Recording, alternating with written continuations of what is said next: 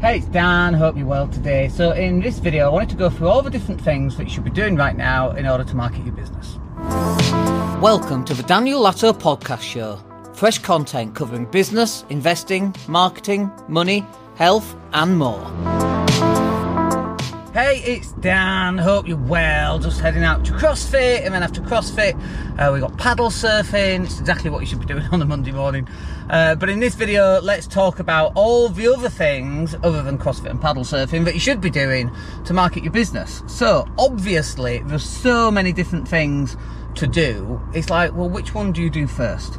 And for me, it's really obvious which one you do first. It's the uh, producing of content, like video content content like this. Uh, I just happen to be on my way to CrossFit, but you can sit at your desk. I often sit at my desk and I do uh, uh, lives on YouTube and Facebook and Twitter and all of that kind of thing. And that works just as well as doing these type of videos also. Uh, but this is what you'll find what we call short form video and short form's great uh, it's just little snippets. You know, it takes me five or six minutes to get to CrossFit. We can do a little video on the way there.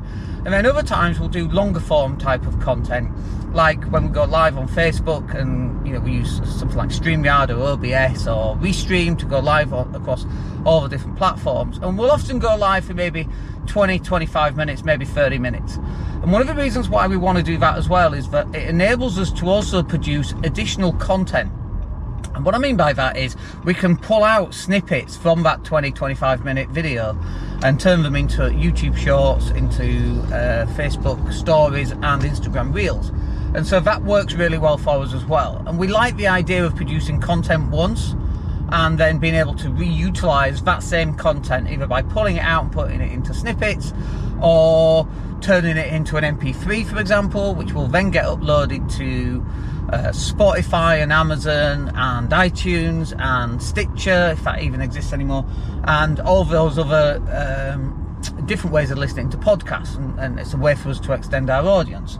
So just off that one video, then uh, we can pull out shorts and we can pull out uh, MP3s, which works really well.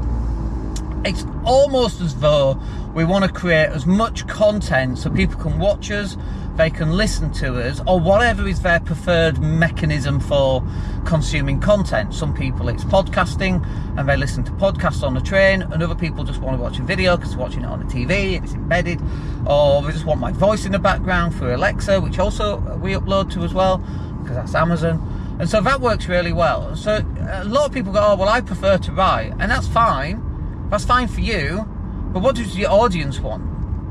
And it might be that they want to listen to your voice. Like I, I get, I literally get emails saying, "Dan, you've not done a podcast." I listen to those podcasts while I'm doing the washing up. Like I li- literally get an email or a message of some kind telling me that. And so you have to produce content in a way that is consumable by the people that you're producing content for. There's no point producing content that no one's going to watch, listen, or read. You've got to go where the fish are. That's a marketing term, fish where the fish are. And so that's what we do. We produce all different types of content.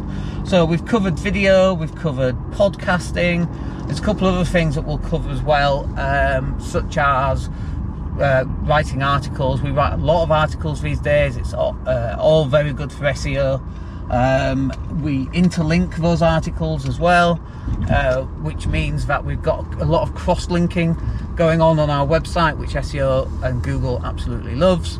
Uh, but you've got to be producing a lot of content. Now, do you end up just producing content all the time? Yes. Can it get a little bit much? Absolutely. And obviously, you've got a business to run as well, so I totally get it. But for a lot of people, you just got to start somewhere. And most people have started nowhere just do one piece a week and then get up to two pieces a week. Or even better, go live on a Monday, okay, and then pull out little snippets. You do the work once and then you can pull out lots of different pieces of content. If you've not got time to do that, speak to us and we can do it for you. All right, we're at CrossFit. Let's go see what happens here today. Well, that was that CrossFit session done. You know, sometimes you do a CrossFit session or you work out or you do something and you know that that's a thing that's going to move you inexplicably inexplicably, let's use that word, inexplicably further. That was one of our sessions for sure. Very, very tough session. A session called Helen, which is three rounds of, I can't remember it, 400 metre run, 12 bar muscle ups. I've already pull ups because uh, I can't do a bar muscle up, and uh, 21 dumbbell cleans. I think I can't remember what it was.